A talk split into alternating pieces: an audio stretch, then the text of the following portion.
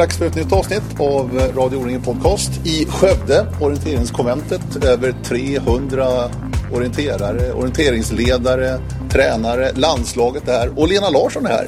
Ja, Välkommen till Radio O-ringen Podcast. tack så hjärtligt. Och- Mycket trevligt att vara här bland alla andra.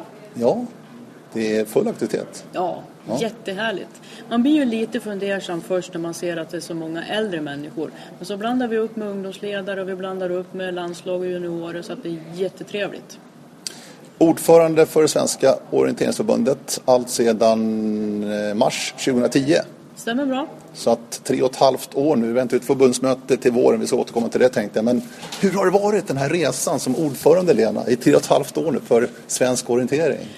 Jättespännande och så otroligt mycket mer att göra än vad man ens kunde föreställa sig. Även fast jag har suttit i styrelsen i åtta år, då som ledamot. Men just det här med att vara ordförande och ha alla de kontakterna som krävs, så då tar det tid. Alltså, vad gör en ordförande? Kan du liksom försöka ändå beskriva någonstans vad det handlar om? Det är ett ideellt uppdrag. Det är ett helt ideellt uppdrag, ja. Och eh, man har kontakter med Riksidrottsförbundet, man har kontakter med andra ideella organisationer, man har kontakter med föreningar och distriktsförbund. Och sen så är det ju till syvende och sist jag då som, eller vi i styrelsen som talar om vad kanslipersonalen ska göra. Sen har man ju tack och lov anställd personal som sköter det dagliga. Men du, handen på hjärtat, hur, hur mycket tid lägger du ner på svensk orientering i, i, i ditt arbete då, eller ditt värv som ordförande? Vi hade ju en period när vi skulle värva ny förbundschef till exempel. Och eh, då så bestämde vi oss för att eh, sätt er nu ner och, räkna ihop timmarna. Och då blev det ju det blev 72 timmar på den månaden när vi höll på att räkna som mest. Och då ska man sköta sitt jobb dessutom. Så då kan man ju förstå att det blir kvällstid och nattetid som det går åt mycket och helger. Du, eh, hur mår svensk orientering? Vad är din känsla när vi sätter den här, tar tempen på det? Jag frågade mina 23 distriktsordföranden. Nu ska jag gå ner och prata med Pelle, vad, vad ska jag säga?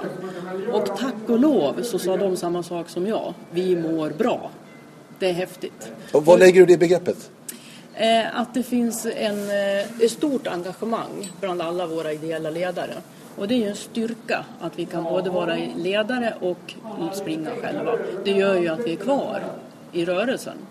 Och sen just det här med att vi ser att det är ökat intresse för friluftsliv ute kring. Det gör ju att det kan komma ännu flera nya medlemmar till orienteringen. Och så ser vi också, om än en liten ökning, men vi har faktiskt flera ungdomar än vad vi hade förut. Det är jätteskoj.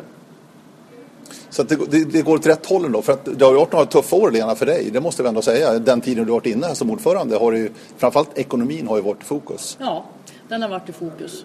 Och eh, ekonomin är stabil, men den är krympande. Tyvärr. Och eh, vi har ju haft eh, ett, några beslut på riksidrottsmötena, de besluten som hela idrotten har, som har gått orienteringen emot i viss del. Just det här med att vi ändrar bidragsreglerna till exempel. Vi beräknar på ett annat sätt idag. Så nu är föreningarna så otroligt viktiga att de redovisar den verksamhet de har. Vi behöver LOK-stöd, alltså lokalt aktivitetsstöd, det som man skickar in till RF. Där måste vi bli duktiga att redovisa det vi gör. Och jag tror att vi har mycket, mycket att hämta där. Och studietimmar med SISU. Och sen hur många medlemmar vi har. Vi måste få in dem i Idrott online. Orienteringen har ju fyra ben nu för tiden. Fotorienteringen, eller orienteringslöpningen som det egentligen heter rent officiellt då. Och sen har vi de tre, eh, tre lite mindre disciplinerna då. Mountainbike-orienteringen, precisionsorienteringen som också är ett eget ben och skidorienteringen är också ett helt nytt ben. Hur, hur går det här ihop med den här ekonomin du pratar om och bygger på med nya discipliner? Är, är det någonting som tär det här eller ser du ändå framtiden att det kan vara någonting som berikar svensk orientering? När vi jobbade för att få in de här olika grenarna så insåg vi ju naturligtvis att det blir en större börda att bära. Men vi såg ju att fördelarna vägde över. Vi får alltså en täckning året runt med skidorientering. Vi kan göra det i hela Sverige ungefär likvärdigt och vi kan få med grupper som kanske inte håller på med löpning så att säga. Om jag tänker då på mountainbikarna. Och sen precisionsorienteringen har ju funnits länge så att den har vi ju alla som hittar former för. Och sen så får vi ju alltså mm, se nu, vi har ju våra mål där vi vill bli väldigt duktiga i alla de här grenarna. Skidorienteringen är ju egentligen redan där. De har ju tagit guldmedaljer och, i mängder så att säga. mountainbiken är god på väg. Vi tog en sprint äh, guld här i, i somras. Så att äh, visst, det krävs pengar och resurser. Men så får man också vara med och betala en del själv som förening faktiskt. Mm. För grejen är att de drar ju inte in så mycket pengar till verksamheten om vi ska vara riktigt ärliga. Men de, de kostar en del ändå för att det är ju landslag och det är även ett tävlingsprogram. Ja, och tävlingsprogrammet det har vi diskuterat till exempel med de här Nordmötena som vi har. Vi har alltså VM och världscup varje år eh, när det gäller fotorientering. De andra har lite mer zigzag-ordning. Så att eh, det är väldigt mycket verksamhet som kräver mycket pengar. Mm. Mm. Styrelsearbetet inom svensk orientering, det Svenska orienteringsförbundet, hur, hur, går det till? Hur ofta träffas ni och vad är liksom er primära eh, uppgift att säga, om det går att beskriva på ett vettigt sätt? Eh, vi ska ju stödja och främja svensk orientering, att den utvecklas. Och det kan man naturligtvis göra på olika sätt. Det här som vi gör nu den här helgen känns ju som ett otroligt bra tillfälle mm. att stödja och stärka. Just det här med att vi träffas allihopa och vi pratar ihop oss. Vi hittar synergieffekterna mellan de här olika grenarna. För jag är ju helt övertygad om att, och jag menar kartan det är ju vår grund för alla utövare. Så att det finns mycket att vinna på det. Eh, och sen hur vi jobbar. Det är, det är ju våra möten. Och vi har ju försökt att bidra till den här ekonomin, att den inte ska bli så kostsam. Så i början när jag jobbade så sa vi det, ja men vi kan ha telefonmöten ibland. Men vi har backat på det, för att de här fysiska mötena är så otroligt mm. viktiga. De här korta diskussionerna i kaffepausen, man hittar något annat infallsvinkel över lunchen. Just det här med att verkligen ses fysiskt är viktigt. Så att eh, beroende på vilket år vi är i, men oftast varannan månad. Men det kan också vara så, till exempel nu när motionerna kommer in, vi ska ha ett förbundsmöte, vi ska lägga budget, verksamhetsplan. Då blir det ju minst en gång i månaden som vi mm. ses. Mm. Eh, alldeles förbundsmötet, men har ni liksom olika uppgifter inom styrelsen? Att ni har lite olika områden som ni har ansvar för? Eh, Eller har, jobbar ni brett? Vi jobbar brett. Men sen är det ju så att man kommer ju in i styrelsen därför att man brinner för kanske en fråga. Så att eh, det finns ju de nu idag i styrelsen som är jätteduktiga på markfrågor, på skidorientering, på ungdom, alltså föreningsutveckling. Vi har, vi har styrkor och då är det klart att i diskussionen så tar man ju fram dem. Men vi har inget område som vi specialbevakar. Det har vi inte. Mm. Eh, förbundsmöte till eh, våren då i mars månad. Mm. Vad är den stora saken inför det förbundsmötet? Eh, vi fick ju lite backning förra gången på att vi hade dålig förankring på verksamhetsplanen. Så det ska vi, har vi verkligen jobbat med nu. Den har varit ute i ett ganska avskalat skede så att säga. Först på remiss och sen har vi diskuterat den här och sen så kommer den på remiss igen. Så att eh, där har vi verkligen någonting att, att, jobba med, förankringsprocessen. Och det tycker vi att vi har skött bra. Vi har även fått beröm här nu utav ordföranden att det här känns bra. Några andra stora frågor? Eh, Ekonomin naturligtvis. Mm. Vi måste få ihop verksamheten och dess eh, ekonomiska förutsättningar. Och då blir det prioriteringar. Och det gör vi ju tillsammans då med de som är på förbundsmötet. Mm. Det har ju blåst en del de senaste eh, förbundsmötena. Framförallt vad det gäller motioner och motförslag och aktioneringar och annat. Är det någonting som det ska vara inom, eh, på ett förbundsmöte tänker jag då? För att det, är en ganska formell, formellt möte ändå. Men att det blir så stormigt som det har varit. Nu senast var det här om representation till exempel. Mm. På det senaste förbundsmötet mm. som ju yrde upp känslorna väldigt mycket. Ja. Eh, alltså när man åker på ett förbundsmöte så gör man ju det med lite olika förutsättningar. Det är ju ganska viktigt att de som kommer dit är, har läst in sig på de frågor som, som man kommer upp med. Men sen är det ju så att vi har en debatt där och då kan det ju komma infallsvinklar som ingen har hunnit tänka igenom ordentligt. Och det har vi ju sagt från styrelsens sida nu att vi måste bli duktigare på att ändra auktionera oss om vi känner att det här blir något beslut som vi inte riktigt förstår eller står för och sen att man skickar det till ett redaktionsutskott som verkligen formulerar en text som alla känner att ja, det här, det var det här vi bestämde. Men sen, självklart ska man ha diskussioner i en rörelse och det här är egentligen enda forumet då vi egentligen diskuterar och tar beslut. Så därför är det viktigt att vi har en en debatt där mm. på plats. Och det måste man uppskatta. Mm. Annars så ska man inte vara på plats. Lyssna på Radio O-ringen Podcast. Ni har Lena Larsson, ordförande för Svenska orienteringsförbundet. Eh, en stor sak, och då handlar det precis om O-ringen, har hänt i år. när eh, styrelsen, Svenska Orienteringsförbundets styrelse i våras tog beslutet att bolagisera O-ringen, O-ringen AB och det är ju nu faktiskt eh, verklighet. Ja. En VD, ny VD är på plats och bolaget har börjat rulla. Mm. Ta oss tillbaka till våren där och era, det här beslutet som ni tog då efter den utredning som Inge Blomberg och eh, Göran Nilsson tog fram. Mm. Hur gick snacket hos styrelsen där när ni tog det här beslutet? Ja, eh, jag kan backa till och med ett år tillbaks. För på ordförandekonferensen förra året så var Inge och berättade hur deras jobb hade gått. Och han berättade också vilken otroligt komplex fråga det var och att han kände sig så um, ödmjuk inför uppgiften och att han riktigt tänkte igenom och funderade mycket.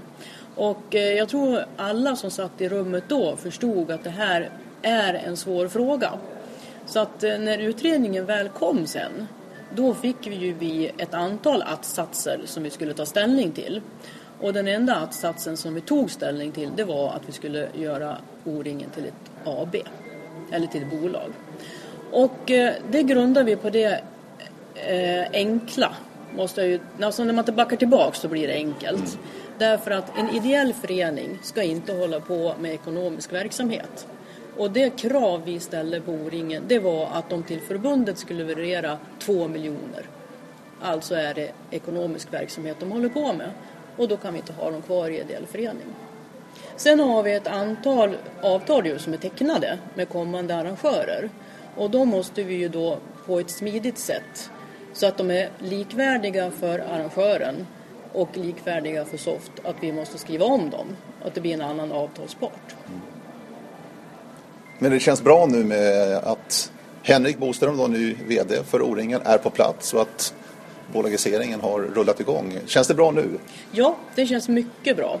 Och eh, Stefan Blomgren som eh, ordförande heter i O-ringenbolaget, han var och eh, pratade igår. Så alla ordföranden har hört hur han tänker, Eh, vi har ju ägardirektiv som vi bollar fram och tillbaka som snart är på plats. Licensavtal, så vi känner oss väldigt trygga i den form vi har hittat. Mm.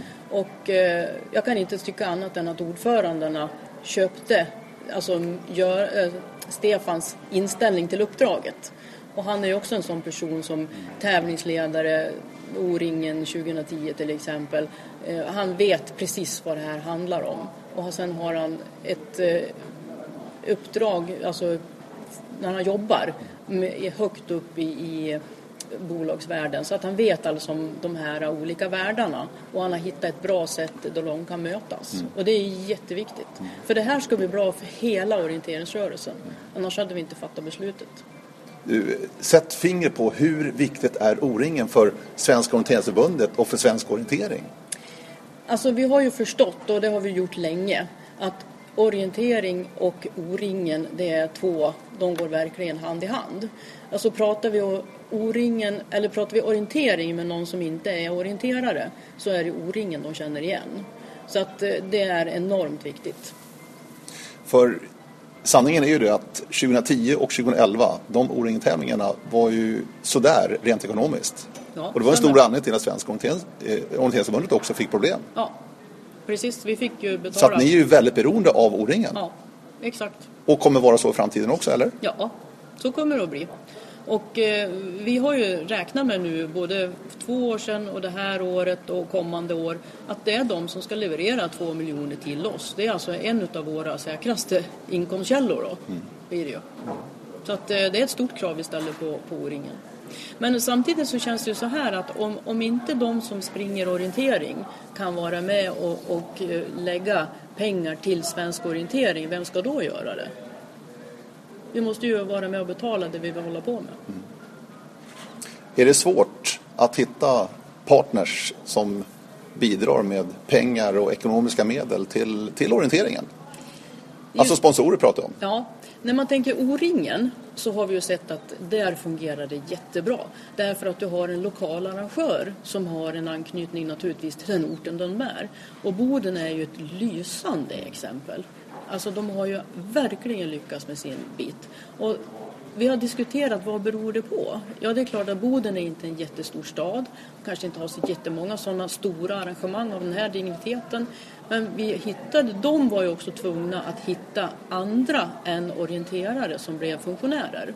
Vilket ju i sin tur då insåg att kommuner till exempel insåg oj vilken verksamhet. De tar med invandrarföreningar, pensionärsföreningar. Det här gynnar ju hela bygden.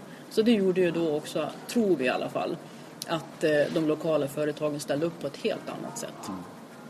Men jag tänkte också på eh, en tydlig mål för svensk orientering är ju världens bästa landslag. Ja. Genererar det några pengar? Alltså lockar det näringslivets sponsorer att vara med och sponsra och stötta svensk orientering? Är det din känsla? Alltså i den utsträckning som du kanske vill? Inte i den utsträckning jag vill. Det, det måste jag ju backa på direkt. Men att eh, självklart är det så. Medaljer och gärna en fix stjärna. Någon som lyser från år till år. Det underlättar ju naturligtvis. Vad är känslan när du är ute och möter kollegor och ordförande för bowlingförbundet och brottningsförbundet? Och hur, hur, står sig svensk, hur står sig orienteringen, idrotten och orientering? Vad är din känsla? Orienteringen står sig bra. Eh, vi klarar oss ju oftast utan skandaler. Eh, vi är duktiga på jämställdhet i många frågor. Eh, vi lyckas kanske inte så bra med invandraraktiviteter som många andra idrotter gör. Men då har ju vi andra styrkor. Just det här med att du kan hålla på hela livet. Det är inte många som kan det och de blir riktigt, riktigt avundsjuka på det. Så jag tycker att vi, jag är ju på många sådana här dialoger med Riksidrottsförbundet där man träffar de andra förbunden som är med, de andra 69, för vi är ju 70 nu för tiden. Mm. Och eh, orienteringen står sig väl. Mm. En annan sak, det är inte bara världens bästa landslag utan nu börjar också attrahera fler. Mm. Bli en tydlig målbild för svensk orientering. Och är det en fråga som ligger på styrelsebordet också? Det är det. Och eh, till exempel en sån fråga så diskuterar vi ju medlemskap. Och det är ju inget speciellt egentligen för orienteringen utan det är ju i idrotten i stort att man diskuterar medlemskapet. Vi tycker ju det, det är ju grunden till allt. Vi måste ha föreningens medlemmar som vill vara med och jobba och göra orienteringen för det är inget enkelt arrangemang. Och då kan man alltså inte bara komma och köpa sig en tjänst lite då och då. Men däremot så har vi öppnat upp för klubblösa att de kan komma och springa en tävling. Och det är ju en bra början. Men det är ju den gruppen på O-ringen som ökar allra mest. Det är just den klubben, klubblös. Ja. Är det, det de ni vill få in i verksamheten, i klubbarna och bli medlemmar? Ja, alltså det är ju drömscenariot. Men vi är också tacksamma för alla som vill vara med och prova på orientering. Och vi ser ju också nu, vi har det här 290 kommuners projektet där vi utbildar idrottslärare, eller vidareutbildar, vilket vi kallar det för, i orientering. Alltså, vi försöker ju på alla ställen påverka eh, bilden av orientering. Skolan har ju tidigare varit eh, en, en del där många sa usch det där höll vi på med skolan, det var inget vidare. Men nu vill vi verkligen stärka upp den sidan så att man har en positiv bild av orientering. Mm. Och om de sen då direkt kommer till en förening, det är ju lite svårt att bedöma. Men vi hoppas att de har en annan tanke i alla fall så att när de ser ett annat arrangemang så kanske de känner ja men du, det var roligt, det vill vi prova igen. Alldeles strax ska vi prata lite mer arrangemang tänkte jag och framtiden och eh, också svensk orientering. Men vi har ju en fråga varje gång i Radio O-ring podcast. Eh, och senast var frågan var när jag träffade Mats Widersjö förresten som är generalsekreterare för Skåne 2014. Så frågan är eh, O-ringen senast arrangerades i Skåne. Kan du den? Ängelholm. Nej, kommer det, ja, nej, inte Ängelholm, men nej. Hässleholm. Hässleholm. Ja, du tänkte på Hässleholm, jag såg ja, det. Ja. 1995. Och eh, vinnare fick en hel del svar faktiskt, kul. Eh, fortsätt skicka. Men Örjan Bäckius från Okotyr ser vi att det till. Får en liten O-ringen-pryl på posten. Om du skickar in adressen, gör det Örjan. Skicka in adressen på radio Och en ny fråga idag. Det blir en dubbelfråga nämligen. Eh, jag tänkte med tanke på ordförandeskapet i Svenska orienteringsförbundet så tänkte jag fråga om den första, första ordföranden någonsin i Svenska orienteringsförbundet och den första kvinnan, för du är inte den första kvinnan Lena. Det finns en annan också. Ja. Så det är en dubbelfråga där. Första ordförande i Svenska orienteringsförbundet och den första kvinnan som ordförande i Svenska orienteringsförbundet. Skicka svaren till radio oringen.se. Jo, arrangemang. Ja. Sverige har ju fått VM 2016 i Strömstad, Bohuslän-Dal. Mm. Kommer bli grant med eh, Kala klippor, kluckande hav, hummertinor och ja, du vet, Ja. riktigt vackert. Ja. Hur ska svensk orientering utnyttja och rida på VM-vågen här de närmaste åren? Vi har ju faktiskt eh, funderat mycket på det. För att vi har ju haft VM några gånger i Sverige tidigare. Och det är klart att det blir mycket fokus på orientering och det måste få synas. Eh, sen kan man ju också tänka sig som de gjorde i Schweiz och som jag vet att Göran Andersson har jobbat en hel del med. Att man alltså lyfter den här tanken inom skolverksamheten.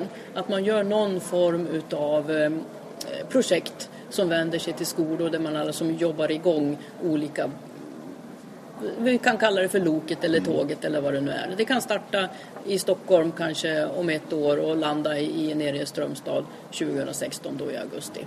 Så att eh, det finns planer men vi känner också att med den begränsade ekonomi vi har så måste det ju vävas in i den verksamhet vi vill bedriva ändå. Men självklart att ha orientering i skolor och få unga ledare det är ju sånt som är viktigt hur vi än gör. Men sen är det väl den här ökade fokusen på, på Sverige.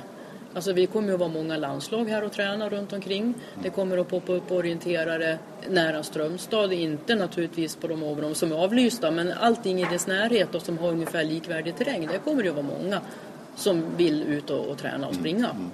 Och det vet vi ju, det syns ju så att säga i media. Om hela det schweiziska landslaget är på något ställe, då är ju gärna de där och följer dem lite grann.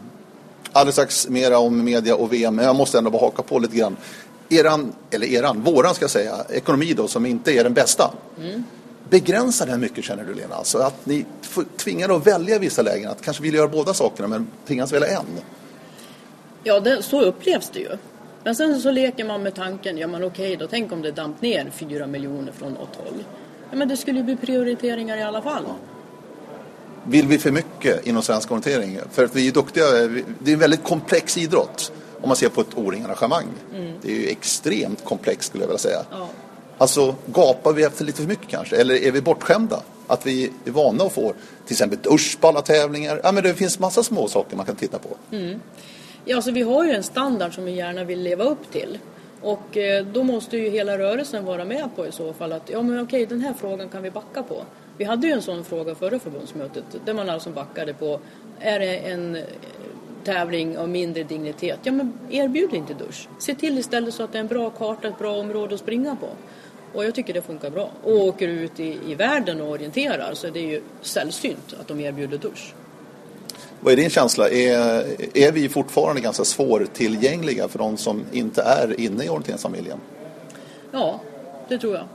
Och det är helt enkelt det att vi har inte våran fyrkantiga anläggning som ligger på ett ställe samma dag, dag ut och dag in. Utan här letar vi nya ställen att vara på. Vilket för många är en komplex upplevelse. Är närheten viktig för att locka nya tror du? Att man har nära till Ja. träningsorientering, motionsorientering, tävling, whatever. Ja, det tror jag. Och därför är det ju viktigt att vi är aktiva så att säga i de här olika arbetena som att vi är remissinstanser till exempel när de ska till att hålla på med naturreservat så att vi verkligen får behålla de här områdena som är nära där vi bor. Och det kan ju vara en storstadsfråga i mycket men jag har ju sett även i mitt lilla Sala att det börjar på att komma propåer om att man ska förtäta byggnationer och närskogarna försvinner. Alltså det, vi måste vara på tårna och vara med och, och påverka.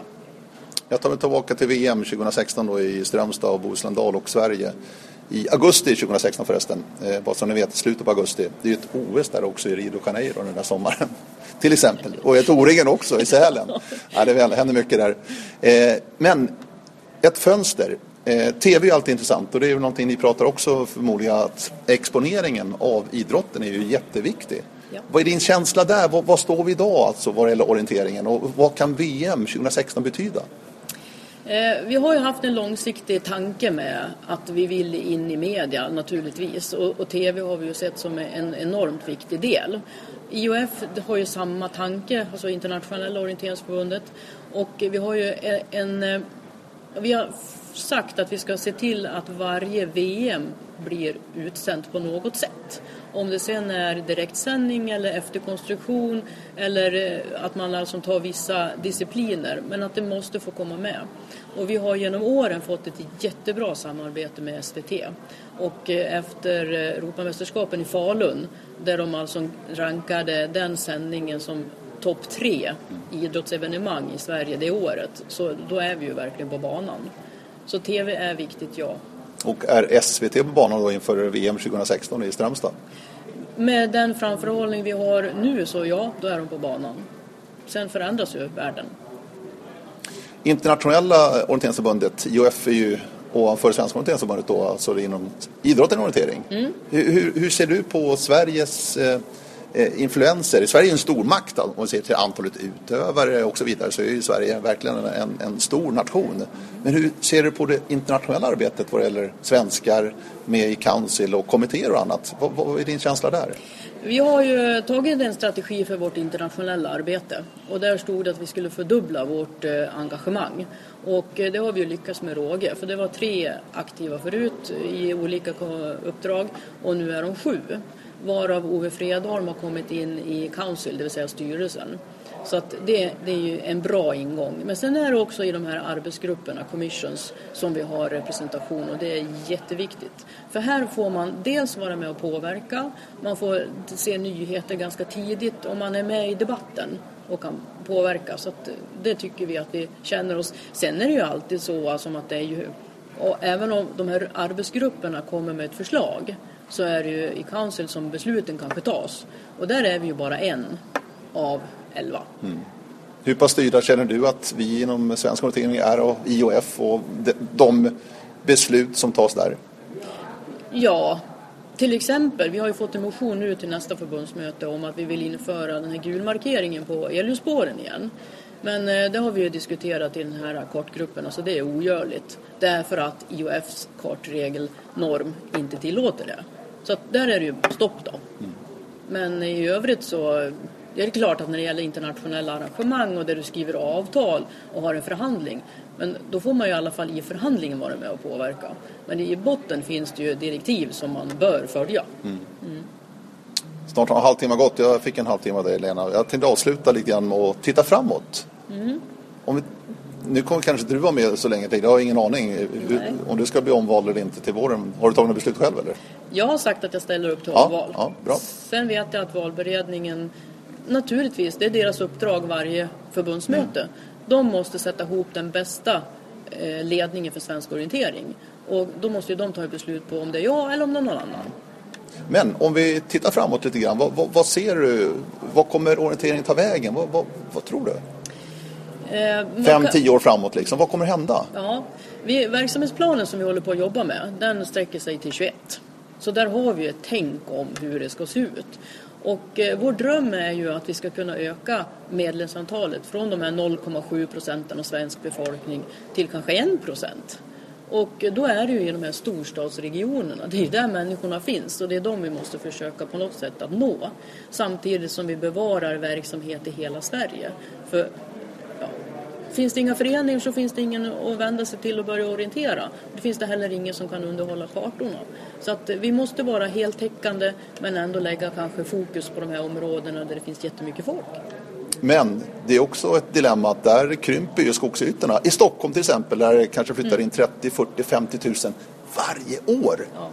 Och det är klart att ytorna för orientering krymper, ja. alldeles säkert, för bostäder behöver byggas. Ja. Är det en fara för idrotten? Orientering? Ja, det är det helt klart. Eh, och det är inte bara orientering, jag menar det är ju för all eh, rekreation, folkhälsa men även elitidrott om du alltså inte har nära till dina arenor och det, kan ju, det finns inte plats för isovaler eller någonting heller. Alltså. Så att eh, vi måste vara med och påverka och ta vår del i det här samhället. Mm. En sak jag tycker saknas, det pratas väldigt mycket friskvård och allt det här. Mm. Jag känner inte att orienteringen är med där i de diskussionerna tydligt nog. Nej. Borde vara mycket, mycket tydligare där. Ja, för tänk så underbart för folkhälsan. Det finns inget bättre. Komma ut i naturen, koppla av helt och hållet, bara gå och ströva i skogen med en karta och känna trygghet. Eller kanske vara med på ett arrangemang där du bara tänker på det här ska jag prestera, du har banan, kartan framför dig och allt det andra är borta. Alltså det är en otrolig friskvård. Men hur hamnar vi där? Hur, hur kommer vi in i, den, alltså i, i det sammanhanget på ett bättre sätt och tydligare sätt? Ja, eh, jag tror ju mycket på de här uh, hitta ut. Uh, Friska Karlstad har ju visat att det går alltså. Och eh, kommer sprida de koncepten tillsammans med de här enklare motionsorienteringarna så då är vi på banan. Mm. Men det känns ändå någonstans att gemene man någonstans va?